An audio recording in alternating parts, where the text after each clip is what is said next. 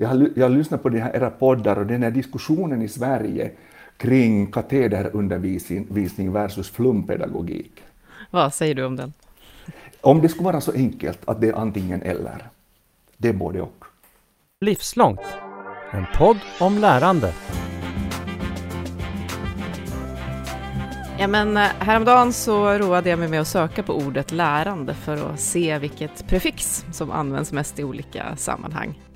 Och eh, det kunde man ju ha tänkt sig att jag skulle hitta då vårt poddnamn där, i alla fall på svenska sökningar, alltså livslångt, som i livslångt lärande. Det har verkligen gjort ett återtåg, det begreppet, för det har vi pratat om många gånger här i podden, att det har funnits länge.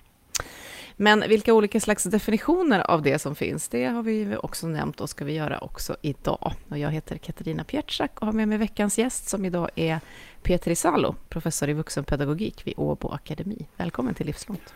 Jättetack att jag får vara med. Eh, hur känner du, kan vi väl börja med, för det här begreppet livslångt? Vad händer i dig när jag säger livslångt lärande? Eh, jag blir sådär lite smått förvånad och frustrerad. Jag själv har ju hållit på med att eh, resonera och reflektera i anslutning till min, min vuxenpedagogiska forskning kring det här med livslångt lärande i minst 25 år och olika liksom eh, versioner av det har fluktuerat i diskussionen. Och nu verkar ni i Sverige ha återfunnit livslångt lärande. Nu har jag inte satt mig in i det, att, vilket liksom innebörd och vilken orientering och betoning ni ger, men att jag är lite sådär både glatt eh, förvånad. Mm. Det är både i, eh, när man söker bara allmänt eh, olika tjänster mm. som erbjuds på nätet, men det är också om du söker på lärande i vår nya forskningsproposition som mm. kom i våras, så är prefixet eh, livslångt där i nästan alla träffar. Mm. Så det är verkligen genomsyrat som du säger. Men hur har det, det som man kanske menar med det här funnits med dig i ditt eget liv? Alltså om vi pratar om ett lärande som pågår över livet, hur har det sett ut för dig? Tänker du professionellt eller privat? Kanske både och. Vi kan börja med privat. Det där, ja, det, var, det är faktiskt en, en, bra for, fråga att fundera lite på det, men i den här diskussionen om det livslångt lärande skulle jag också vilja liksom lite återgå till någonting som vi hade på forskningsagendan tidigare i Finland, att, att vi har en livshistoria som påverkar oss och också så i vuxenlivet kommer till uttryck i vad vi gör och hur vi förhåller oss till och hur vi reagerar på det på det ena och det andra. Så det där, jag märker att även i den här åldern så det där, den där unga vuxenheten och de orienteringarna finns med. Och nu, nu, nu tar jag inte fasta på enskilda liksom lärande skeenden utan mera i ett sånt här livshistoriskt identitetsperspektiv. Vem är jag och vem vill jag vara och hur vill jag förhålla mig till, också i min profession, till den här jargongen om livslångt lärande idag. Mm. Jag brukar ofta tänka på också i relation till barn och sådär, hur, hur har jag lärt mig det här? Alltså det här som är en allmän livskunskap som faktiskt vissa av dem tror jag till och med har på schemat. Ja, det är som du säger, jag kan inte återkalla några särskilda tillfällen, men plötsligt har du lärt dig att vara mm. den du är. Mm. Och, och, det handlar nog för oss allihopa människor, det handlar på något sätt om att, att, att eh, tänka och reflektera kring, alltså vem vi är i våra sociala sammanhang och liksom, hur, vad vill vi bli och hur förhåller vi oss till de här fenomen som finns i samtiden? Alltså lite mera existentiellt är också ett ganska sådär besvärligt ord, men ändå. Och det är det, är det som vi också glömmer i många diskussioner och olika typer av liksom försök att eh, tvinga fram livslångt lärande. Att, att vi måste försöka förstå oss själva i, tillsammans med andra människor i vår mm. tid. Lite en bildningsmässig orientering i det här livslångt lärande.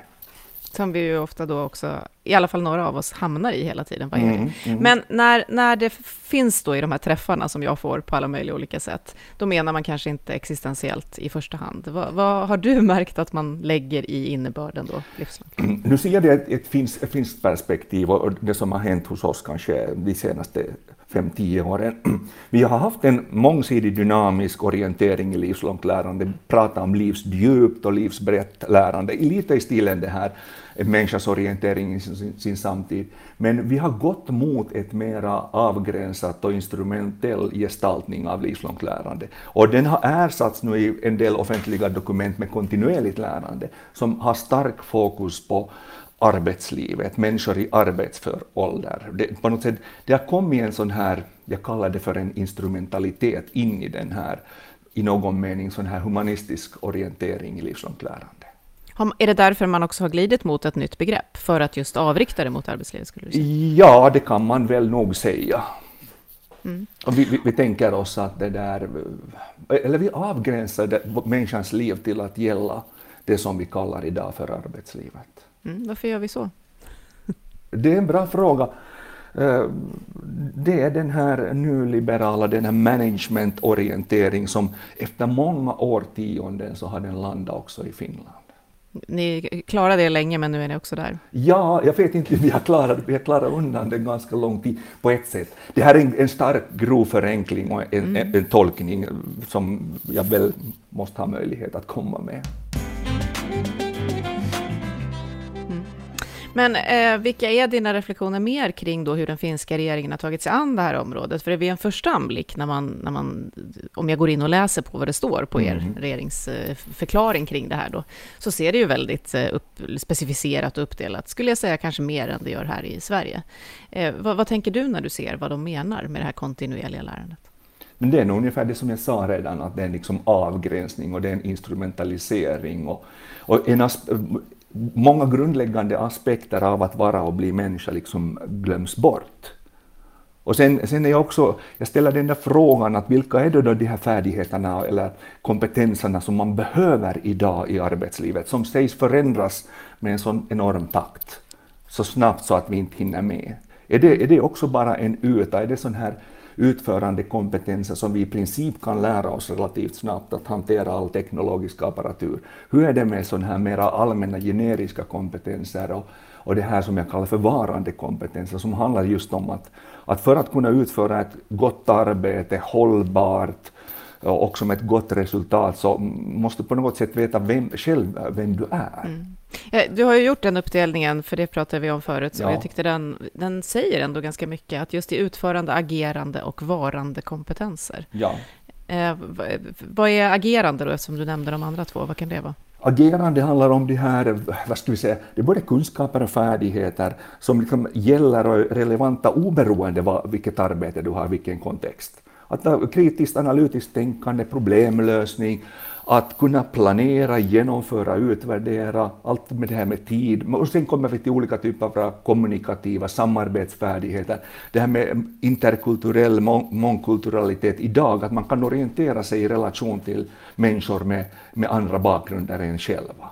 Så det där, och det är liksom i, också i den här finska regeringen och ministeriets orientering mot kontinuerligt lärande, så jag tolkar att vi på universitet liksom uppfatt, eller, vi borde bli mera sådana fortbildningsorganisationer. I Sverige heter det kompetensförsörjning, tror jag det begreppet är, ja. som, som vi använder oss av. Och, och då reagerar jag att just de här agerande kompetenserna som är ganska allmänna, det har vi jobbat med på universitetet hela tiden. Vi försöker ju jobba med forskningsmetodik, kritiskt analytiskt tänkande, tänka på varifrån fenomenen kommer, varför de har uppstått, hur ser de ut idag, hur kunde de utvecklas.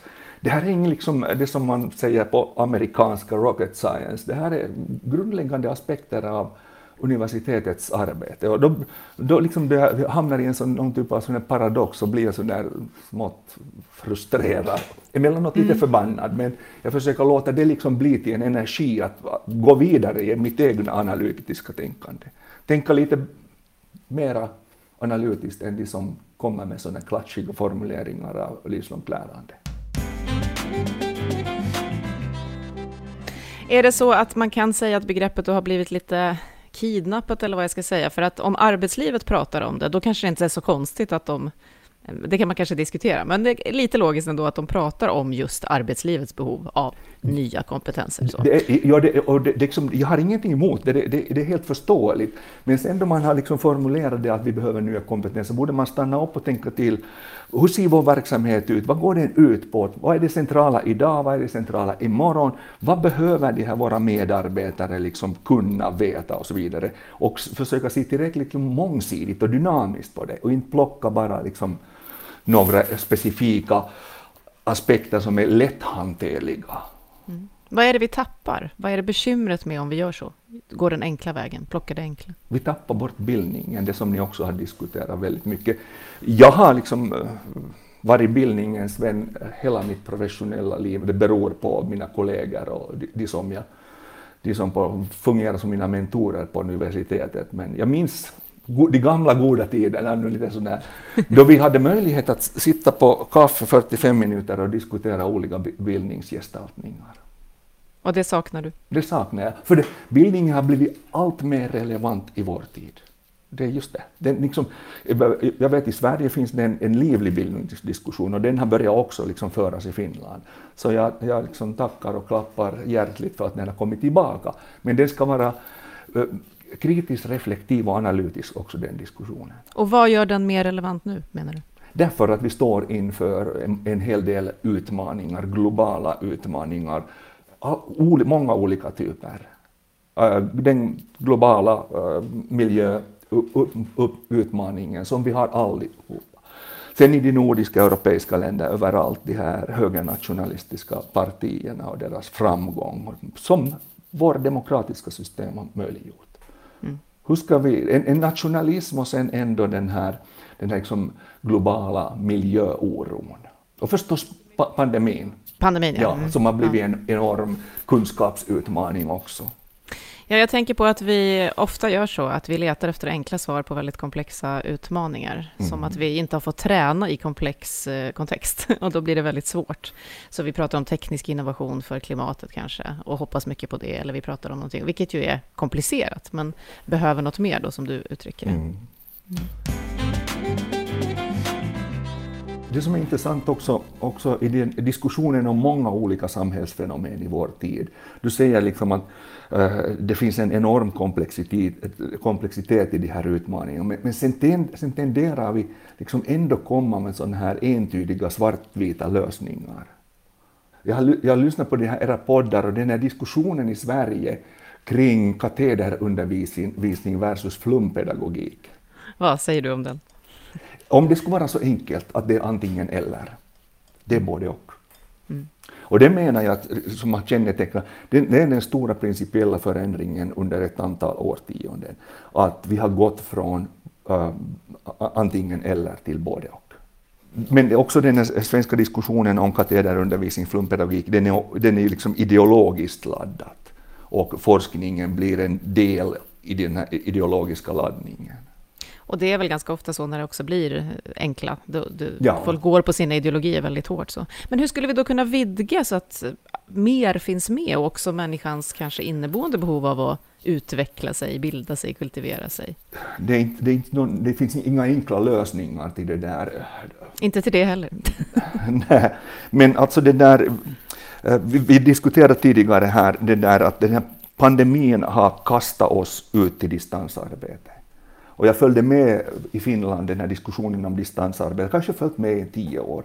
Och hela tiden väntat att vi skulle liksom verkligen skapa möjligheter för människor att arbeta på distans och, och finna liksom de lösningar som passar i livssituationen och den individuella orienteringen. Men den, den liksom utvecklades nog väldigt långsamt. Och sen plötsligt kom en kris, global pandemi, och då kastades vi alla ut till, till en, en, ett distansarbete som, som var ganska spännande i början, men sen åtminstone för mig själv så jag vill nog återgå till någon typ av både och alternativ. Men, men den där frågan om att hur, hur ska man liksom hantera det, det, det, finns inga enkla lösningar och jag skulle inte vilja eh, liksom vara den som sätter igång en global kris som sen leder att vi förstår saker och ting bättre. Nej, nej, det är frågan om vi måste ha de där kriserna för att förstå hur vi ska, eller om det går att nöta sig fram lite långsamt. Ja, det, liksom, det är svårt. Vi är ändå fast i industrisamhällets eh, strukturer och kulturer då vi tänker eh, på de flesta sätt att organisera arbete i större organisationer. Allt från mm. universitet till hälso och sjukvård, offentliga organisationer, också privata sektor, där vi kommer till större organisationer. Industrisamhällets principer och praktiker lever kvar. Och något som de här organisationerna då famlar efter just nu väldigt, väldigt mycket, jag får ofta, ofta frågor om det och har sysselsatt mig mycket med det, det är ju det här, okej, okay, då måste vi bli en lärande organisation. Vi har mm. förstått att lärande nu är hjärtat av allting, vi ska bli en lärande organisation. Vad är det för någonting? Petri? Vi har försökt utforska det många gånger. Vad tänker du? Att jag, har, jag har också hållit på med lärandeorganisation redan ett antal år tillbaka i tiden och i mitt fall handlar det om mitt intresse för skolan som organisation. Och, och, och det där um, lärande, ja, för mig, jag, jag, jag gör det lite så där, jag förenklar, det ska vi göra idag för att man ska kunna uttrycka sig kort och kraftigt. Eh, det är en ny gammal benämning på studiecirkel. Vad är det i studiecirkeln som, som finns som är, som är det vi far efter här? Alltså det där, eh, den nordiska, ganska långt svenska gestaltningen av studiecirkel, att människor, vuxna människor kommer samman, delar med sig av sin erfarenhet och genom att dela med sig försöka förstå den, lyssnas på andras delande av erfarenheter, speglar det och sen tillsammans försöker tänka till, förstå bättre, utveckla sätt att fungera bättre utan att liksom tappa människan i de här, låt oss säga, fast arbetsprocesserna. Så att nästa gång de frågar vad, hur ska vi skapa en lärande organisation så eh, säger vi skapa, en studiecirkel, skapa många studiecirklar. Ja, gör den där studiecirklandet som en del av det där arbetet. Att liksom möjligheten att lära sig tillsammans i arbete och på arbetsplatsen. Idag är tendensen både i Finland och i Sverige den att det där, nu då vi har alla möjliga liksom, eh, virtuella digitala verktyg, att vi ska skapa sådana små moduler som eh, medarbetarna flexibelt kan ta del av då det bäst passar dem och det ska vara liksom väldigt väl liksom anpassade till de omedelbara behoven. Men det blir väldigt, väldigt kortsiktigt, väldigt avgränsat, väldigt instrumentellt. De stora viktiga frågorna, de måste man stanna upp och tänka till tillsammans, skapa de här mötesplatserna och gemenskaperna. Och nu blir jag nästan en predikant. jag tänker att ganska många eh, tänker när de hör det här att ja, det, det tänker vi också, det är bra. Men sen när vi sitter där i det där industrisamhället mm, som vi är färgade mm, av och vi ska mm. ha return on investment och, och kopior som ska uppnå alla andra förkortningar som vi kan hitta här, ja. eh, då blir det svårare. Vad behöver vi göra för att liksom integrera det här mer? För det är ju så väldigt uppdelat som du sa. Alltså det, det, det är en utmanande fråga. Vi har varit inne i den här processen redan många årtionden och, och dels har liksom eh, alla de digitala verktygen och möjligheterna på, i princip har skapat större möjligheter för detta. Men vi är, vi är nog tyvärr fastna i det där industrisamhällets tänkande och också vad arbete är, att inte man liksom gör det där lärandet medvetet liksom leder och planerar och utvecklar lärandet som en del av det där arbetet. Inte att det liksom vi har en tudelning, arbete och studier, utbildning. Det, det, den hänger kvar det, och vi behöver de där två, men vi borde hitta de där bryggorna, broarna mellan dem. Och jag har inga, liksom, det här är liksom principiell strukturell, strukturell fråga som jag, så där, jag, jag kan bara säga att oberoende organisation, verksamhet, tänk på att försöka föra in och skapa platser för de här studiecirklarna. Och när du pratade då, nämnde skolan och att du har varit involverad i, i där, så pratade vi alldeles innan här nu om att sånt utbyte och lärande ju ofta sker på lärares initiativ, men så fort det blir strukturerat så blir det någonting annat. Ja. Hur ser det där ut? Det är skolan är en, en, en, helt särskild organisation och jag började min, ett forskningsprojekt som ledde till doktorsavhandlingen med att ta rubriken Skolan som lärande organisation. Det var tre månader så blev jag tvungen att byta rubrik och då kom jag fram till skolan som undervisande organisation.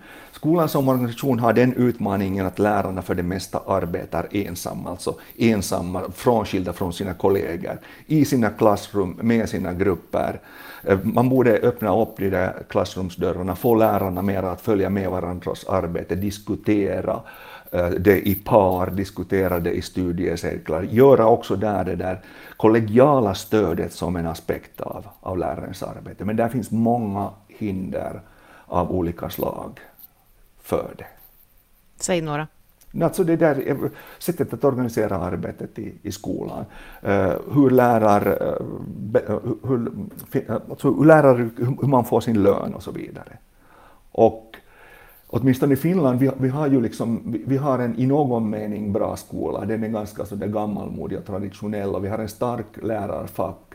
Och eh, jag skulle gärna se att vår lärarfack nu skulle vara lite mer öppen för att betrakta lärararbetet och hur man hanterar det från, från en individuell gärning till, till en mer kollektiv och kollaborativ. Alla de här liksom villkoren som styr eh, lärarens arbete. Ja, vi tittar ju gärna på er skola när det gäller resultat mm. ibland då och vill gärna lära någonting. Finns det någonting, om, om du nu, nu kan, verkar du ju inte i Sverige lika mycket, men finns det någonting som du tänker att vi skulle kunna lära i allmänhet kring ja. de här lärande sakerna? Ja, men nu, nu har jag ingen liksom, sån, igen, sån där entydig enkel lösning, utan det som det där, det som ni borde ta efter från Finland, det är det liksom att upprätthålla en kontinuitet och förutsägbarhet gällande skolan. Reformera inte den. Mm, jag säger ingenting mer, för då kommer vi in på sån här... Har, Ideologiska ja, debatter. Ja. Och sen det där, odla en professionell och institutionell tillit och respekt till skolan som institution, till rektorerna och lärarna som representanter för sina, för sina professioner man kommer oerhört långt, alltså det, det, är ju svårt det här, kontinuitet och förutsägbarhet och liksom tänka att odla den här tilliten. Men det är det som jag menar kännetecknar den finländska skolan. Finns det också något i vuxenlärandet då som vi alla kan ta med oss från om vi skulle göra det? Hur skulle det kunna påverka vår syn på lärande framåt? Nu, nu blev det en ganska komplex fråga på ett sätt. Den omfattar så väldigt mycket. Men nu återkommer jag till, nu, liksom, nu har det blivit en brand för mig, nu säger jag liksom det där studiecirklandet. Mm. Kollektiv och kollaborativt lärande. På alla planer, i alla sammanhang. Och det är väldigt intressant, för vi vet ju sedan ganska länge att det är just mm. kollaborativitet, social kontext för inlärning, eh, att det är väldigt avgörande för hur vi lär, och vi är några som kämpar med det väldigt mycket. Jag har tjatat så mycket så att jag tror vissa är trötta på det. Men så läggs ändå ansvaret för allt det här vi pratar om, för det livslånga lärande, på mig själv på mm. individen, ja. på att jag ska klara mig, vara framgångsrik, ja, hänga med, vara anställningsbar ja. och sådär, 24-7. Så vi måste vara beredda att steppa upp och lära, helst dygnet runt. Men kontexten kanske inte riktigt tillåter det. Eh, vad händer då? Det, det, alltså där, där blir det också en sån väldigt lös koppling, att vi förstår och vet att i den här kontexten, i de här sammanhangen, så det liksom gemensamma kollektiva eller kollaborativa lärandet är väldigt viktigt. Men, men sen, sen lägger vi liksom ansvaret och delvis också skulden på individen. Det blir det där antingen eller, eller det är väldigt löst kopplade till varandra. Och där finns ingen liksom enkel lösning heller. Och man diskuterar lärande också på, ett, på många olika plan. Och delvis, just ett, en aspekt är att tänka att lärandet är individuellt. Det är du som lär dig och det är du som på något sätt går runt med din, din hjärndator och det är du som tolkar och skapar och förstår världen bättre. Men i det här studiecirkelprincipen och det kollaborativa kollektiva orientering, så där finns en tanken att vi är alltid delaktiga och inbäddade i olika former av sociala praktiker. Och att lära sig innebär att man blir mera djupt engagerad, på ett bättre sätt engagerad i de här sociala praktiken. Alltså lärandet i och som social praktik. Mm. Och då blir det kanske i någon slags kortsiktig del eh, inte vet jag, dyrare med arbetstid när många ska sitta och prata tillsammans, om man nu tittar på arbetslivet. Men det kommer också ge en annan effekt än om du skickar en person på en kurs vid sidan av, gissar jag. Ja, och nu vill jag, nu har två kommentarer. För det första, arbetstid. Vad är det för någonting? Alltså det är industrisamhällets eh, tanke om att man fysiskt står på någonstans och utför det där arbetet. Medan för många informations och kunskapsarbete så vi arbetar 24-7 vi tänker, resonerar och reflekterar. Samma också i människorelationsarbeten inom, inom social och hälsovård. Alltså man arbetar ju med sig själv som verktyg och man kan tänka att man utvecklar sig själv hela tiden. Så arbetstiden är ett besvärligt ord. Och det, vi kommer ju tillbaka till att begreppen blir eh, antingen riktar de oss fel eller så blir de urholkade. Ja. Vi försöker byta namn på dem, vi pendlar mellan livslångt, kontinuerligt, löpande, vad det nu kan vara. Eh, och samtidigt har vi ett behov då av att kommunicera kring det här och sätta ord på de här olika sakerna. Eh, vad kan vi göra för att eh, mena samma sak, prata om det, studiecirkelinrikta oss, men inte då att det blir ett lingo, som vi brukar säga, ett konsultlingo. För det har ju lagts enorma timmar på mm, konsulter mm, och andra som ska ta fram de här lärandeorganisationerna eller mm. skapa livslångt lärande. Och så säger du studiecirkel, och jag skrattar nästan för att det låter så enkelt i relation till allt det där. No, det, det, det, alltså det, det, det är ju också, jag gör det ju medvetet, alltså det, det, det, det är en sån här ett försök till en konstruktiv provokation, att du skulle liksom stanna upp, vad menar han nu riktigt? Det En gammal, gammaldags ord, Men jag skulle vilja att du skulle, liksom, jag och många andra som jag formulerade till, stanna upp och börja tänka till, vad, vad är han riktigt nu ute efter? Vad innebär studiecirkel? Hur står det i relation till, låt nu säga den där konsultlingon då, och så vidare. Att, att vi helt enkelt stannar upp och tänker till, vad, är det här, vad står det här begreppet och ordet för, hur är den relaterad till någon typ av empirisk verklighet av något slag?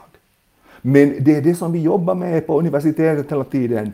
Vi försöker få studerande att stanna upp och tänka till och definiera lärande organisationer, pedagogiskt ledarskap, folkbildning och så vidare.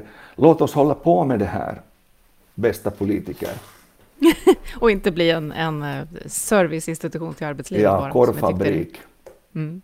När jag hör dig så tänker jag att du pratar ju om meningsfullt lärande. Ja. Att, att det ska finnas en mening, en effektfullhet, en, en, eh, ja, ett syfte med det som vi lär oss och inte någonting annat. Ett, ett sätt att beskriva och försöka definiera vuxla, vuxnas lärande handlar om att det, det är hela tiden en liksom meningsskapande aktivitet och process där vi tolkar och försöker förstå de här erfarenheterna som vi får av att vara människa tillsammans med andra människor och försöka liksom förstå den på ett mer djupgående och nyanserat sätt. Alltså vuxnas lärande som meningsskapande. Och jag tror att det måste finnas tid, utrymme, energi för detta för att människor ska kunna må väl på sin arbetsplats. Det här välmåendet i arbetet är lika mycket på agendan i Finland och, och i, i, i, Sverige. Mm. Och utan det är det frågan om vad vi kan åstadkomma för resultat, ja, om man nu vill fokusera på det. Ja, om, om inte jag har en grund att stå på där jag i någon mening har orienterat mig själv i min samtid och, och mitt arbete och mitt privata liv och skapa mening för att liksom gå vidare och orka jobba mot utfall, effekter och mål. Mm. Om man nu har lyssnat på oss och känner, ja men ja, jag känner, jag, jag håller med, jag vill också att vi ska skapa mening, jag tycker också att vi kan börja kollaborera tillsammans och så. Eh, och sitter i den här verkligheten. Har mm. du någon form av medskick till hur kan jag börja som en individ i en sån här organisation där man ändå håller på med begreppen och, och, och planerna? Ja, alltså, du, du, du vänder dig till dina bästa närmaste kollegor och, och ni, ni, tar en kaffepaus, dricker kaffe, äter frukt, ta, skapar er tid och möjlighet att äh, liksom, få distans till det ni håller på med och det ni är tvungna att hålla på med och börja liksom öppna upp saker och ting, liksom ett långsiktigt perspektiv. Mm. Kan vi göra det själv eller behöver vi någon slags, eh, någon som leder de här samtalen så att de blir där de ska vara? Jag tror att ni klarar det själva. Jag borde också klara det själv. De flesta av oss borde klara det själva. Men här kommer vi kanske fram till den där du var lite inne på att, att den här, det, den, det nya slås igenom sen först då vi genomgår en kris. Alltså det kan hända att, att man tar de här möjligheterna eller tar till de här möjligheterna stanna upp och tänka till först då det har krisat till sig. Men det, mm. det är ju väldigt uh, tråkigt att det måste vara så. Jag vet att du är ju professor, mm. men du kallar dig också folkbildare. Vad är det i folkbildningen som du tycker är viktigt i det här? Jag började min forskarkarriär med att liksom jobba med den finländska folkbildningen och jag har varit nyfiken på hur den nordiska folkbildningen har uppstått och, och så vidare. Jag vet inte, det, det har nog säkert att göra med min bakgrund. Ja, det där eh, kommer från sammanhang, alltså från arbetarbakgrund och har tack vare den finländska grundskolan haft den här möjligheten att jag bli, utvecklas från en punkare till en professor. Och, men liksom jag, jag, jag fortfarande bär med mig min äh, livshistoria och bakgrund och den här folkbildningstanken. Också idag i de nordiska eh, samhällen, det där liksom folkbildning har under årtionden, århundraden fört med sig väldigt mycket gott. Vi borde återuppfinna den och då skulle vi ha kommit långt. Den knyter ju an också till studiecirkeln. Precis. Jag vill inte säga ja. det något mera, för jag har sagt det så många gånger. Då gjorde jag det åt dig. Ja, du är en ganska punkig professor, tycker jag. Ehm, vi är väldigt glada att du var med i podden. Är det något annat som eh, vi borde ha tagit upp? Det där vi, vi har berört nu, det där fenomen på verkligen många olika nivåer och många olika perspektiv och det kanske blev lite sådär halvostrukturerat men äh, den som lyssnar måste ju stanna upp och tänka, försöka tänka till vidare själv. Mm. Det är hela tanken med den här podden. Tack ska du ha för idag. Tack, tack. Tack, tack. Hej då. Du har just hört Livslångt, en podd från RISE om allt det där man lär sig i livet. Vi hörs om en vecka igen.